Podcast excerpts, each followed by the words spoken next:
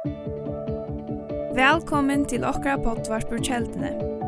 Loika mykje hvert var stater i dag, så vana vi at det hesen båskapring kan være til oppbygging for det og for tukt antall av loiv. Takk for at du loir av og njød dagsens båskap. Jeg er ferdig at døylet år om morgen som eh, uh, jeg alltid jeg, jeg kan si at det er et av de tingene som ligger mer og jeg nekva hjertet. Det er da just i øyla negvar. Um, nastan fra tog evan og frelstor. Så er hetta eit av tom ting noen som hever limar øyla, øyla tungt i hjärsta.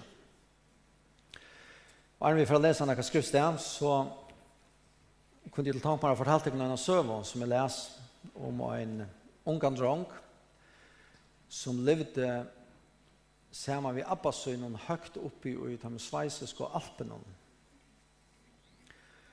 Og hans nunge dronkeren, ofte han er bare for å høre sine egne rødt, så domte hun en affære og dom, setter hendene til munnen og så råpa, «Hallo!» Og fjøtlene selv han det svære av atter, «Hallo! Hallo! Hallo! Hallo! Hallo!» Og så platt han å råpa, «Jeg er ikke til!» Og atter så svære av fikk han etter atter svære, «Jeg er ikke til! Jeg er ikke til! Jeg er ikke til!» og så vidare. Og her er Jordian Jaunan. Men en dag så hej han uppförs rätteliga illa. Och Abiansar var en över og hej eh, refsa han fyrir etter her.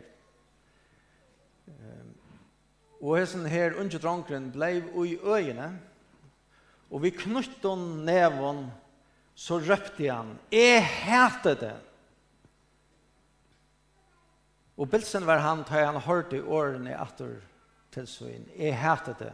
Jeg hater det! Jeg hater det! Jeg hater det!» Som vi da alle så så heva år og en øyelig sterskan tøtning. Støren tøtning og heva en sterske avvarskan av okkar egna liv, men òsni av løyve tjatt heim som er rundan om okkar. Vi vet at det er et år avverska okkara sinne, okkara kjensler, og ta omkvar vi videre i. Ta i årene vi sier, ta i årene som andre sier. Jeg halde de fleste av okkara hava oppleva, det er alltid tår jeg sier, hava oppleva på et eller annet tidspunkt at vi har sagt åt et eller annet som vi enkra at vi satt om. Enkra at vi satt om. Vi har også opplevd at mennesker har sagt ting vi åkken som har en større avvarskan åkken. Og til er Öll kjenner etter her at år er ikke bare et år som du sier i løtene. Men år vera ofta ni hengande i luftene, så att si. Och så begynner människor å spekulera. Kvärt måtte han vi? Måtte han ta? Eller måtte han ta? Var det han kritikker av mer? Var det han nygering av mer? Eller var det han rås av mer? Och vi begynner vänta hesen her årene som vi da har hørt, og vi skilja kanskje ikke helt hva tøtninger var uten dem. Men årene her var at han er utrolig virkning at vi begynner at huksa, vi begynner at føle, og vi begynner at dreie konklusjoner ut fra tog som sagt var. Så år her var tøtning, det her var rettelig og større tøtning, ikke bare at høyde ha søkt, men også at han åt hei vera søkt. Tog det er og akkurat som et ekko. På et eller annet tushpunkt, så høyrer du hos i årene atter. De venter atter til togjen, kan du si, som en bomerangor på et eller annet tushpunkt.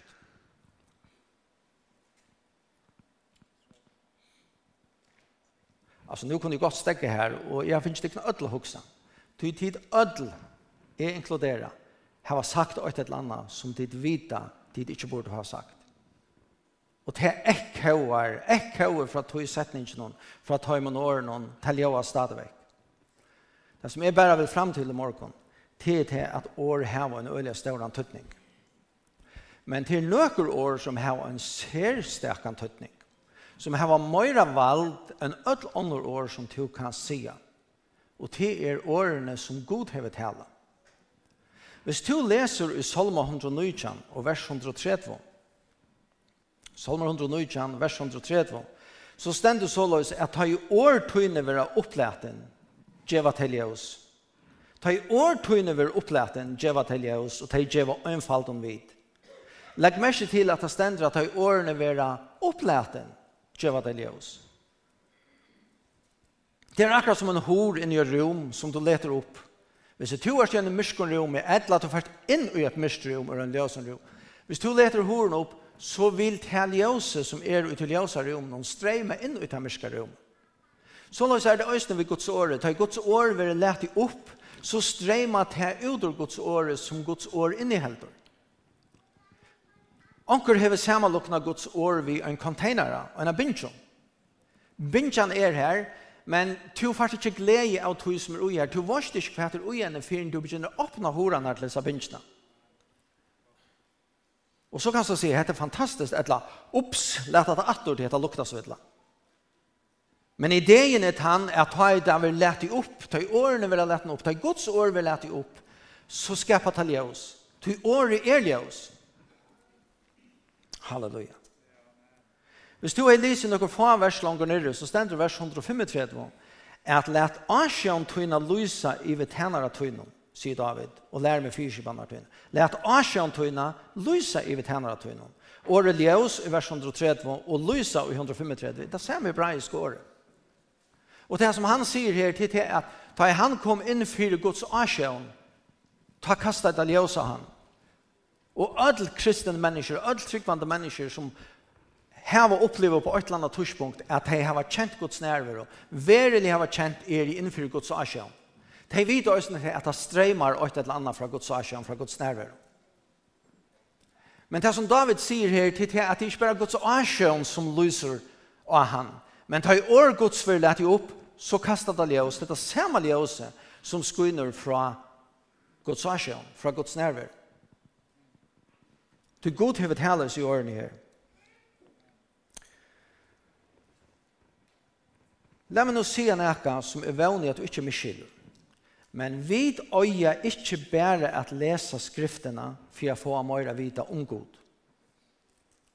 Og la meg, la meg si på en av veiene, vi øye at lese skriftene for å få mer vite om god. Men vi øye ikke bare at lese skriftene for å få mer vite om god. Men vi øye øyne at lese skriftene tror vi ikke å være sammen med Gud. Det er samme ljøse som kommer fra Guds asjøen tar vi det inn for i hans arasjon. Det streimar øysene fra Guds åre. Ta det vi lett opp. Så ta to teker Guds år og setter det å lese, eller stendt å lese, eller hva du gjørst. Huksa så, ja, men dette året her er ikke bare et år om Gud. Ta i lese etter året her, som Gud har tala, ta er i egentlig sammen vi Gud. Og på den måten kan du lete Guds år tala til døgn. På den måten kan du leta ljøse for åren om streyma inn i tuttløy. Og tog i mine utfordringer til åkken i det, og jeg som nødt til noen, til til en vidbegynnende brøyde hukkbord til Guds år og i åkra løyve. Hette er ikke bare en telefonbøk, eller informasjonsbøk, eller instruksjonsbøk. Hette året her i livande, til tale av gode sjølven. Ta i vid lesa det, så er vi sammen ved gode. Og det er den holdningen, den hukkboren vid øyet heva innenfor Guds åre. Nå er det øyelig og stått litt av vidan nek ur, ur skriftene.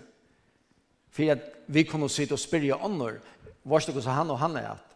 Hva sier at appen til David, lenge appen til Salomon og så videre. Det er øyelig stått litt. Men i seg selv, og det, det er slett ikke til at det ringte av det er ikke det som sier. Men i seg selv hjelper til ikke til.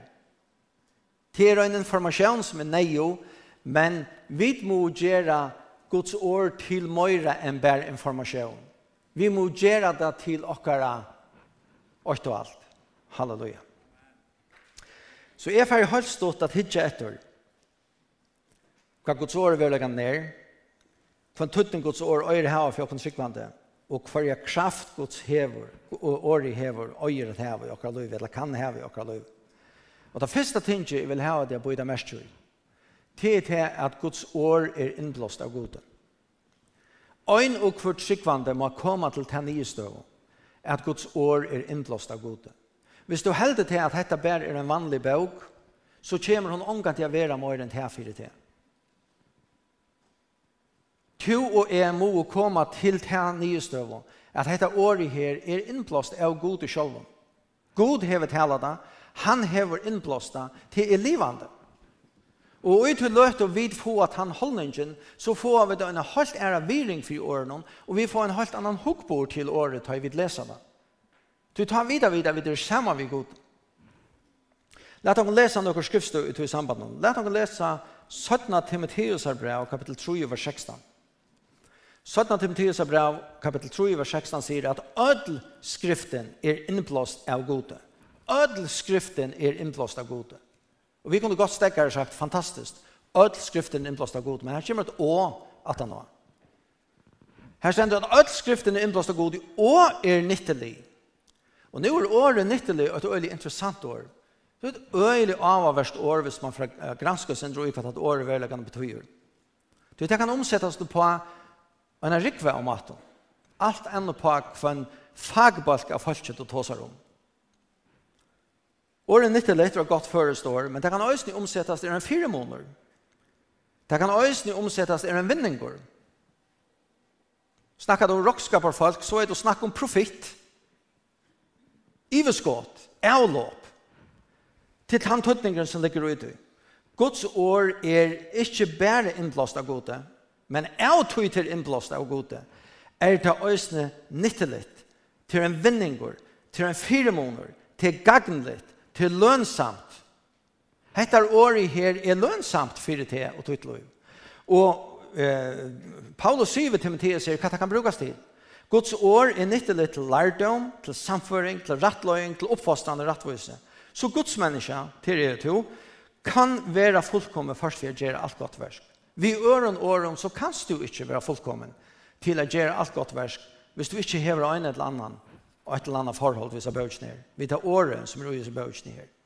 Så årgods er så tøyende for det med. Men det første tinget som jeg vil ha det, er at veldig integrera og i liv er at Guds år er innblåst av gode. Det er ikke en vanlig bøk. Det er Guds år til min. Det er Guds sjølver som jeg vil tale det. Lett oss hitje i eh, Anna Peters brev kapittel 8, Anna Peters brev kapittel 8, Og her kunne vi lese vers 20 og 21. Her stendur så løs, først og fremst mot hit vita.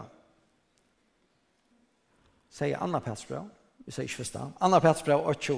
Først og fremst mot hit vita til at ikke profetor og i skriftene er givet til egna tøying, Til aldri er nekka profetor kommer fram av vilja menneska, når drivner, etla borner, av høyla i andan, og tala av høyla i menneskots. At det her understryker han bare til, at de årene som vi leser i det, er vi ikke manna år, de er Guds år. De er inspirerer av gode. Ja, de var nyskriva av menneskjon, men de var inspirera av gode. Og ta to sider vi tog holdningen i for Guds år, ja, men det er ikke bare manna år, hette er ikke bare en interessant bøk. Men det är Gud som talar. Du tar god talar så er det livande. Ta dör ikke. Så først du en helt annan holdning till Guds år. Så Guds år är inspirerande. Det er innblåst av godet.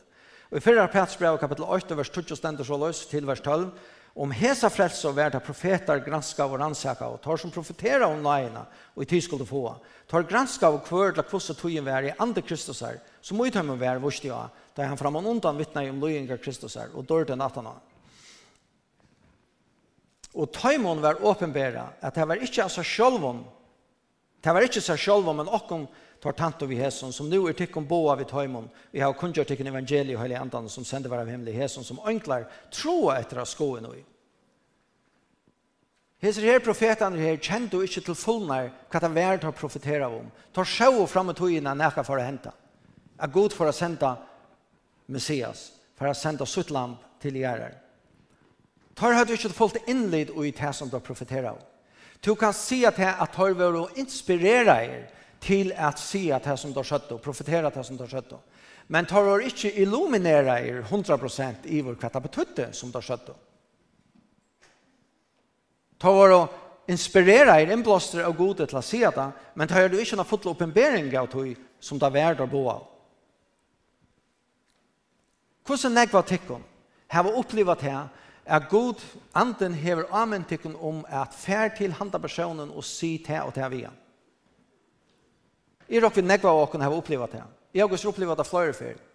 Men ofta har jeg, har jeg opplivat det, så får jeg en liten brøkparst av vita for å si hatt av vi vikommande. Jeg har ikke anelse for hva tøtning det hever for vikommande. Man kan säga jag är inspirerad av god men jag har inte full förståelse för att det är god mina vi vid enda personer. Det kan gott hända. Og så er svaret også ikke at som nye skriver over det. Nekvar av dem hadde ikke fullt innlyd i hva han velja være god sier. Ta var inspirerer av god til å skrive at han nye. Halleluja. Men bottom line er dette Guds ord er inspirera. Det er den første sannløgjen som er til å gjøre opp for okken selv. Det er det kjent Guds ord to måste vara fullkomliga samförda om att Guds år är inspirerade av Gud. Den nästa tingen som jag kunde ta på nämnt är att Guds år är föje för tog och min andan. Och låt detta lyckas söken. Jag vet att vi ser det ofta, men det är nägg viktigare än vi talar. Vi minns att Jesus blev lötter ut i öjmärsen av hela andan att bli fröst av djävulen i Matteus kapitel 4 till dömes, från vers 8. Så ständigt är Jesus fasta i fjörde där. Og atlan tar fjør denar så var Jesus svengur. Han hunkrer. Så han skjønte alt Jeg er hungrar atlan tvær denar. Men ta ui tar fjør han var av ta kjem djevelen til han og sier ja men hva sier du ikke hvis støynene at han skulle være brei? Og da stender vers 4, Matteus 4, 4, at Jesus sværa i, skrive er, menneska lever ikkje bæst av breie, men av kvarjon året, og i gonger ut av munnegods. Menneska lever ikkje av breie øyne. Det som djevelen røndi å få Jesus til, det var å flyte fokus fra til andalega iver og til ligamlega. Til å svengur Jesus, hvor sier du ikke vise støynene at han skal være brei? Jesus sier, til alt som er negg viktigere enn hans mæteren her som du snakker om. Og til til at menneskene lever ikke av brei øyne. Menneskene lever av hver en år i gang grunn av munn og gods.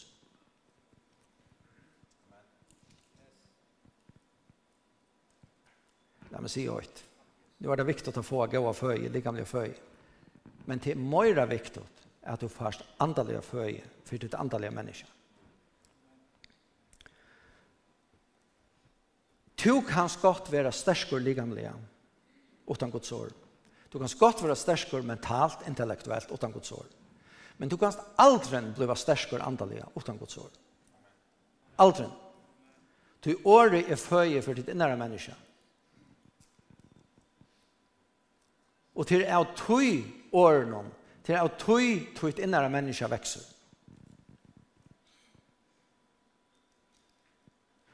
Jeg er pura sikker på at jeg at du Inn i middelen møter menneskene som vita øyelig enn men det er unge andalige døpte sin og løyve. Du kan stå en rikve av informasjon ut hun løyve, men du er unge verilige døpte hun og løyve. Du er ikke født til en anda vi gods år. Nå sier ikke det at vi skal være vøyk intellektuelt. Det er ikke det som jeg sier. Det som jeg sier er at hvis du innskjør at vi er sterske og andalige, så måste du hava Guds år. Ty Guds år er føye fyrir til andan. Du kan røyna er stattat av i öllum øvn i åren, øren, men det kommer ikke at avvirka tøyn andalige vøkster hvis du ikke teker Guds år. Tøy er det vid må brøyde hukkbord til Guds år at det her. Til Guds år som er føje fyrir din andan. Til Guds år som er føye for din andan. På samme måte som du kan hungra til et likam, så kan du også hungra til en andan. Og det er ikke underlig til at nek mennesker er voik andalige. Tog de hava hungra seg sjølva andalige. Og så møter du kanskje øre mennesker som kanskje likamlig er øyelig av øyek og tog seg, å, her sier skrøybelig. Helt du begynner å kjenne deg og sier, det er en halvt ære styrke som bor her inne. Så hvis du og jeg skulle bli sterk andalig, og til det ikke god, så måste du teka føje til til en anda. Det er nyttar ønsker at heva Bibelen er under, under bunchen under kjeltene, så tekte han fram sundag morgon, til han stend her og prætkar, fantastisk, å, det er interessant, så legger den undrat og så først til hus, og så sier du, ok, nå glemmer jeg alt om Bibelen, inntil kommande sundag. Gjert hevet til likam. Du burde prøva gjørst det til likam. Et i øyne måltid sundag morgon, Och så anka han äta i att för en kommende söndag morgon. Vida går stött lika mycket upp för. Men du ska bara minnas till att en anti uppförs på akkurat samma mata. Och till så nägg av okken som ger det okkara andalige människa så ringt. Tog vi det överhövers täcka för i till okken, andalige. Det stendet av av vers skriftet i Jeremias kapitel 15, vers 16. Det var ikke om vi kunne få det opp her kanskje. Her stendet så, her sier profeten så, «Jeg fann årtøyne, og jeg åt deg. Og, te, og årtøyne var mer til frøye og hjertemunnen til glede. Men til at han fann årgods, det betyr ikke til at han tjeksar en tur, åh, oh, jeg la en 20 kroner, jeg fann en 20 kroner. Jeg løyde ikke etter en 20 kroner, jeg fann han tilfeldigvis. Det er ikke det som ligger i oss årene, at jeg fann årtøyne. Det som hette her indikerer er det at han løyde etter Guds år. Han søkte Guds år, han yngste Guds år, og han fann Guds år. Men det er jo seg selv at han løyde etter Guds år, og ville heve Guds år, og han fann det, er ikke nok i seg selv Han måtte ete Guds år for at han skulle skapa frø og glede i hans innere menneske. Og så løser det østen tjokk.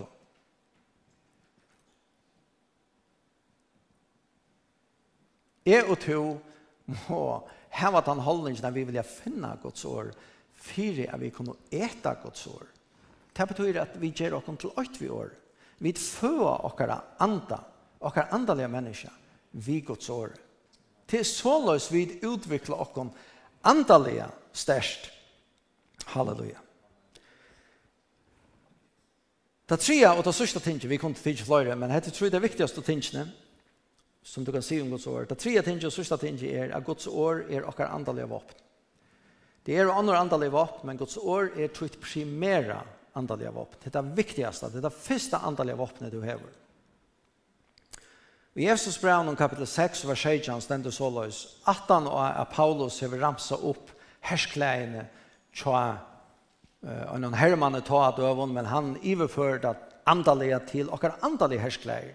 Og så nevner han en rikva tingene. Men det sørste tinget som han nevner er, det er ikke tjalm og svør andans, som er årgods. Han kallar årgods for svør. Men legg mest til han sier, han sier tæ, eller tætje, tjalm frelsenar og tætje svør andans, som er årgods. Nå er arbeidden knappt det til åkken. God til vi giver åkken sutt år, hva gjør vi hans år? Det er nytt av ikke å sitte og si at ja, men jeg vet alt, det er problemer her ja.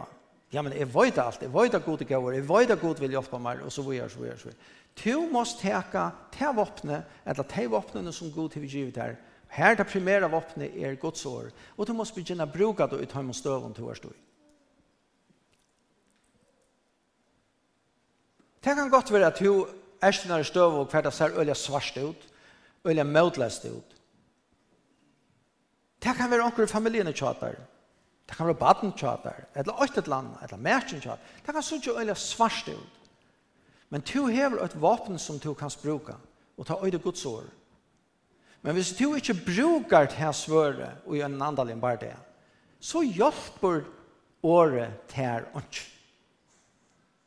Du måst bruka det. Du måste täcka Guds år, du måste tala det ut. I stedet för att säga hettar, att tala undergäng, att ta sig depression och så vidare, så vill du nöjda att täcka Guds år och säga när han är. På den måten brukar du Guds år.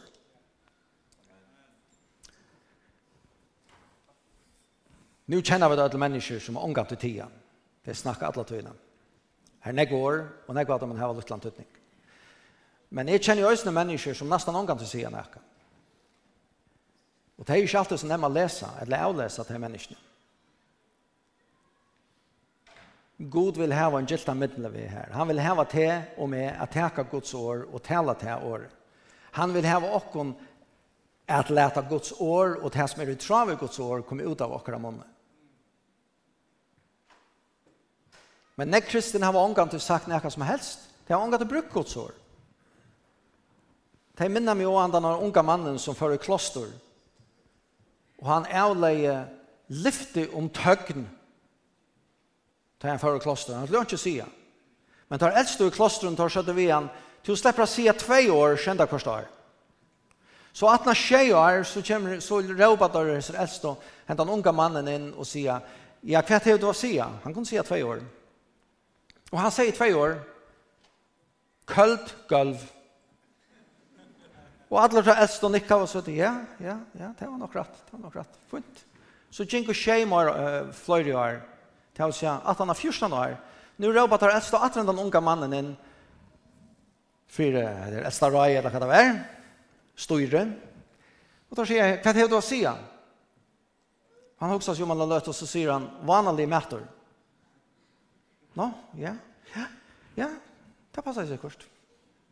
Så gikk og at det tjej år, Alltså nu er det en tjå år färden. Så røpte der den unge mannen innan nu säger jag kvätt. Ja, nå er han tjong langt.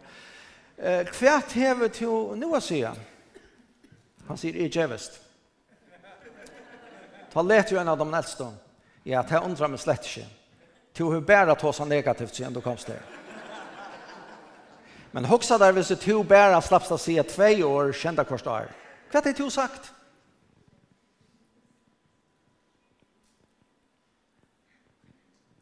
Man kan se lärdomen och just ner huxa väl om katosier. Tu hevor, jeg hev jo vel, da vi stand i øynekvarere, troplare støv. Vi hev jo vel hva vi sier. De årene som kom ut av okra munne, de har vi da arbeid nå. Ja, vi kvar sier vi ting til videre au, etla kjett, etla deprimera jeg, etla nyrundekommen, eller øyelig glad, eller øyelig optimistisk. Vi kvar skjer vi då som vi tenker vi har sagt. Men minst bare til det at det som vi sier, det hever en avvarskan. Og nu huxar de aller flesta av ja, det var avvarskan av meg, sjålvande, og det var avvarskan av de nærmeste og de rundt om meg. Ja, men det var også en ære avvarskan. Det er det som er røyne jeg kommer fram til i morgen. Det som du sier, det er ikke bare hørst av hesen høyme som vi sier. Men Bibelen tar seg om at en annen høymer, en andalig høymer, han høyrer øyne til som to sier. Han reagerer øyne på det som er to sier. Det kommer en reaksjon ur de andalige høymen på det som er til å si. Tøy er da, tøy hevder så stor en tøytning at vi omhugsa vel hva det er vi sier. Tøy hevder enda større tøytning at at vi brukar de årene som god har givet oss og sier, ok, det som vi sier, det må være travi etter her. Og i sommerstøven, så er det sier etter året her. Nu var det vel til at hvis jeg får inn i kafeterien her, skal be om en kopp av kaffe eller kopp av te, så kan jeg ikke sitere skriftsted. Det er ikke det som er mine. Men det som jeg sier, kan være i travi gods år. Det er ikke ut om Guds år.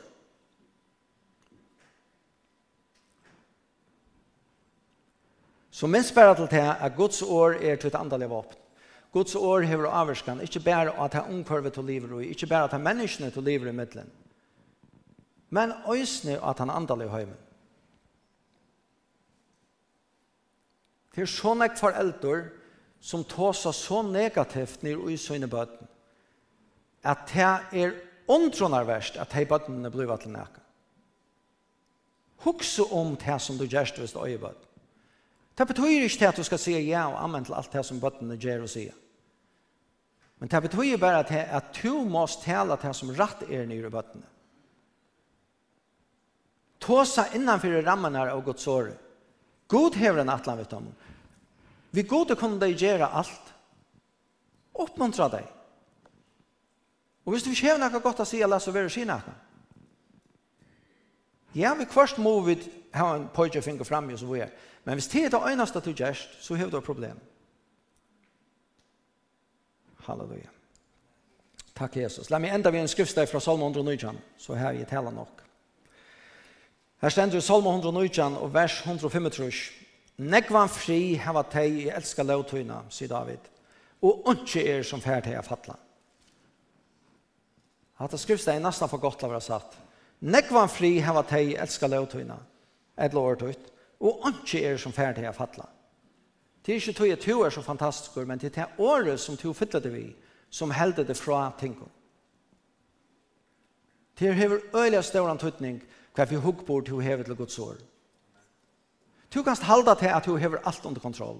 Og ofte er halda til at vi er så fantastisk stersk og gøy. Men til å ta i troplaggene verelig benker på. Hva er det ta som kommer utråkt? Er det til året videre og korsene i åkere? eller akkurat annan pura tilfeldet.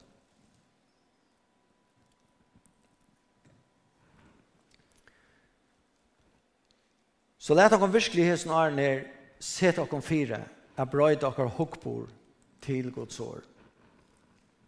For det første, let dere bli samført om at Guds år er innblåst av gode, til god sjølver som er tale etter året, og til livande. Og i øronleie let dere bli samført om at at det er Guds år som er føje for dere andre. Og ikke noe annet. Det er det som gjør til at vi vekser andalega. Det er det som gjør til at vi styrker andalega. Det er det som gjør til at vi blir robust andalega til å stande mot tingene som hender i okkar liv. Det er for sent å fære venja til kappen som begynner.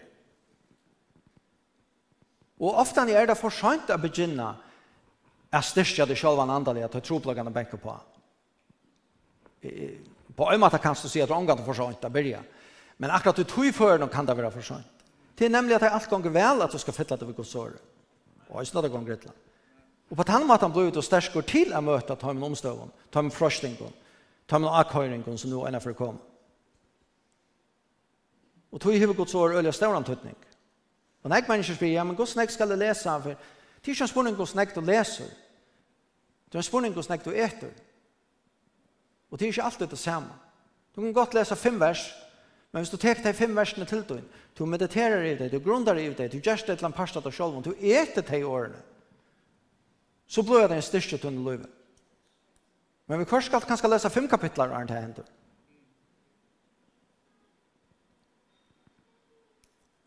Det viktigaste er at vi tar Guds år til oss og brøyter vår holdning til det. Vi tre leie til det at Guds år er våpen for oss. Hvordan døyra barst er hette våpenet for åkken? Jeg skal forenta.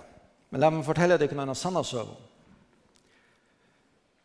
Det var ikke om han her, om, han den her mye var, var sånn, men jeg så lyser henne hvordan. Men det er en, en fragrøyng om en sovjetisk eller russisk jøte. Anatoly Skaransky Han, jødene hørte ikke Skott, til parten av Russland, det var i Sovjet. Så han sier konene til seg farvel og familiene. Ta i hånd for til Israel, til frelsen. Og det sørste årene han sier vi igjen at her er er vidt suttjast kjøtt atter i Jerusalem. Men Anatoli var handtidgen av sovjetiske lagreglene, og han ble sett ur fangsel. Og han sa nu at det ble ikke skjøtt at han sa konene til seg etter Jerusalem. Det ble ganske omgant i. Men Jøgnon ødel æren i hans hatt som fengje, og i fangselen og i Sovjet og i arbeidsleven, så hei han en lytla bøk visser. Og det var det øyneste tinget han slapp av i halta da han fører inn i fungselen. Og den bøkken inn i helt solmaner ur Bibelen, ur Gamla Testamentet. Og den bøkken har helt han. Ofta han rønt og imisker, særlig fengavakterne, på av bøkken fra noen, men han ville ikke av henne. Og i omkron før han ble han straffet over ved å sitte 130 dager en sammadler i en og Han slapp ikke å søke åtte andre mennesker. Tog han ikke vil de er i hans bøkene her. Men det som er øyelig interessant, det er at at han har tolv år, det er altså tolv år at han og han er sagt kone farvel, så ble hans her jøden bjøa over frelse. Da skjedde at du kan slippe ut. Og i februar måned 1946, vi halte at levere en satan, ta slapp hessen her jøden ut av fangselen. Da han gikk ut av fangselen, så sier en eh, russisk fengavoktare vi han, jeg vil gjerne hava seg bøtjene kjøter. Og han då slipper ut av fangselen. Ta kasta han seg ned av hjørnet og sier, det kan du ikke. Henda bøtjen hever hilda meg oppe med jeg er i traldommen. Og jeg fer ikke ut av fratse utan disse bøtjen her. Han var villig för att dra fångsel för jag sa böjts ner. Hatta vise bara hållningen som hesen personen hejer till en pastor Guds ord. Hvis vi vet at du har haft et sinter av hæsson i og fyrt gods året som vi tar i det, så har jeg okkar antallige løyver så nek ærvøsene for nek av oss. Halleluja. Så minst til, det som du sier, hever en større avvarskan og at du omfører. Minst til det. Og minst til det at det som du sier, det kommer atter som et ekko i natten til liv. Amen. Fæger, jeg bidde om fæger at at tog år må være annet enn informasjon om morgenfæger. Jeg bidde om at det må være Etla färd att han var färra nyer i ökar, søkka nyer i ökar i görsta färd. Och vi bidde om att han må slå rötter, få, få gråra botten i ökar i görsta färd. Så løs att han kan växa upp och bröjda ökar liv og ha avvarskan ökar liv färd. Ta bidde om i Jesu namn og färd. Jeg bidde om färd att øyne kvar som lustig morgen färd. Jeg bidde om att tog et år man fylltja kommand. Att du måste minna vidkommande och at han som sagt er, det som lars er morgen morgon i Jesu Kristi namn. Ta bidde om färd. Halleluja. Og i Jesu navn. Jeg bidde om færre, tog fri om å fylle øynene og kvarjon, og vi færre kvart og sutt færre. Og i Jesu Kristi navn. Amen.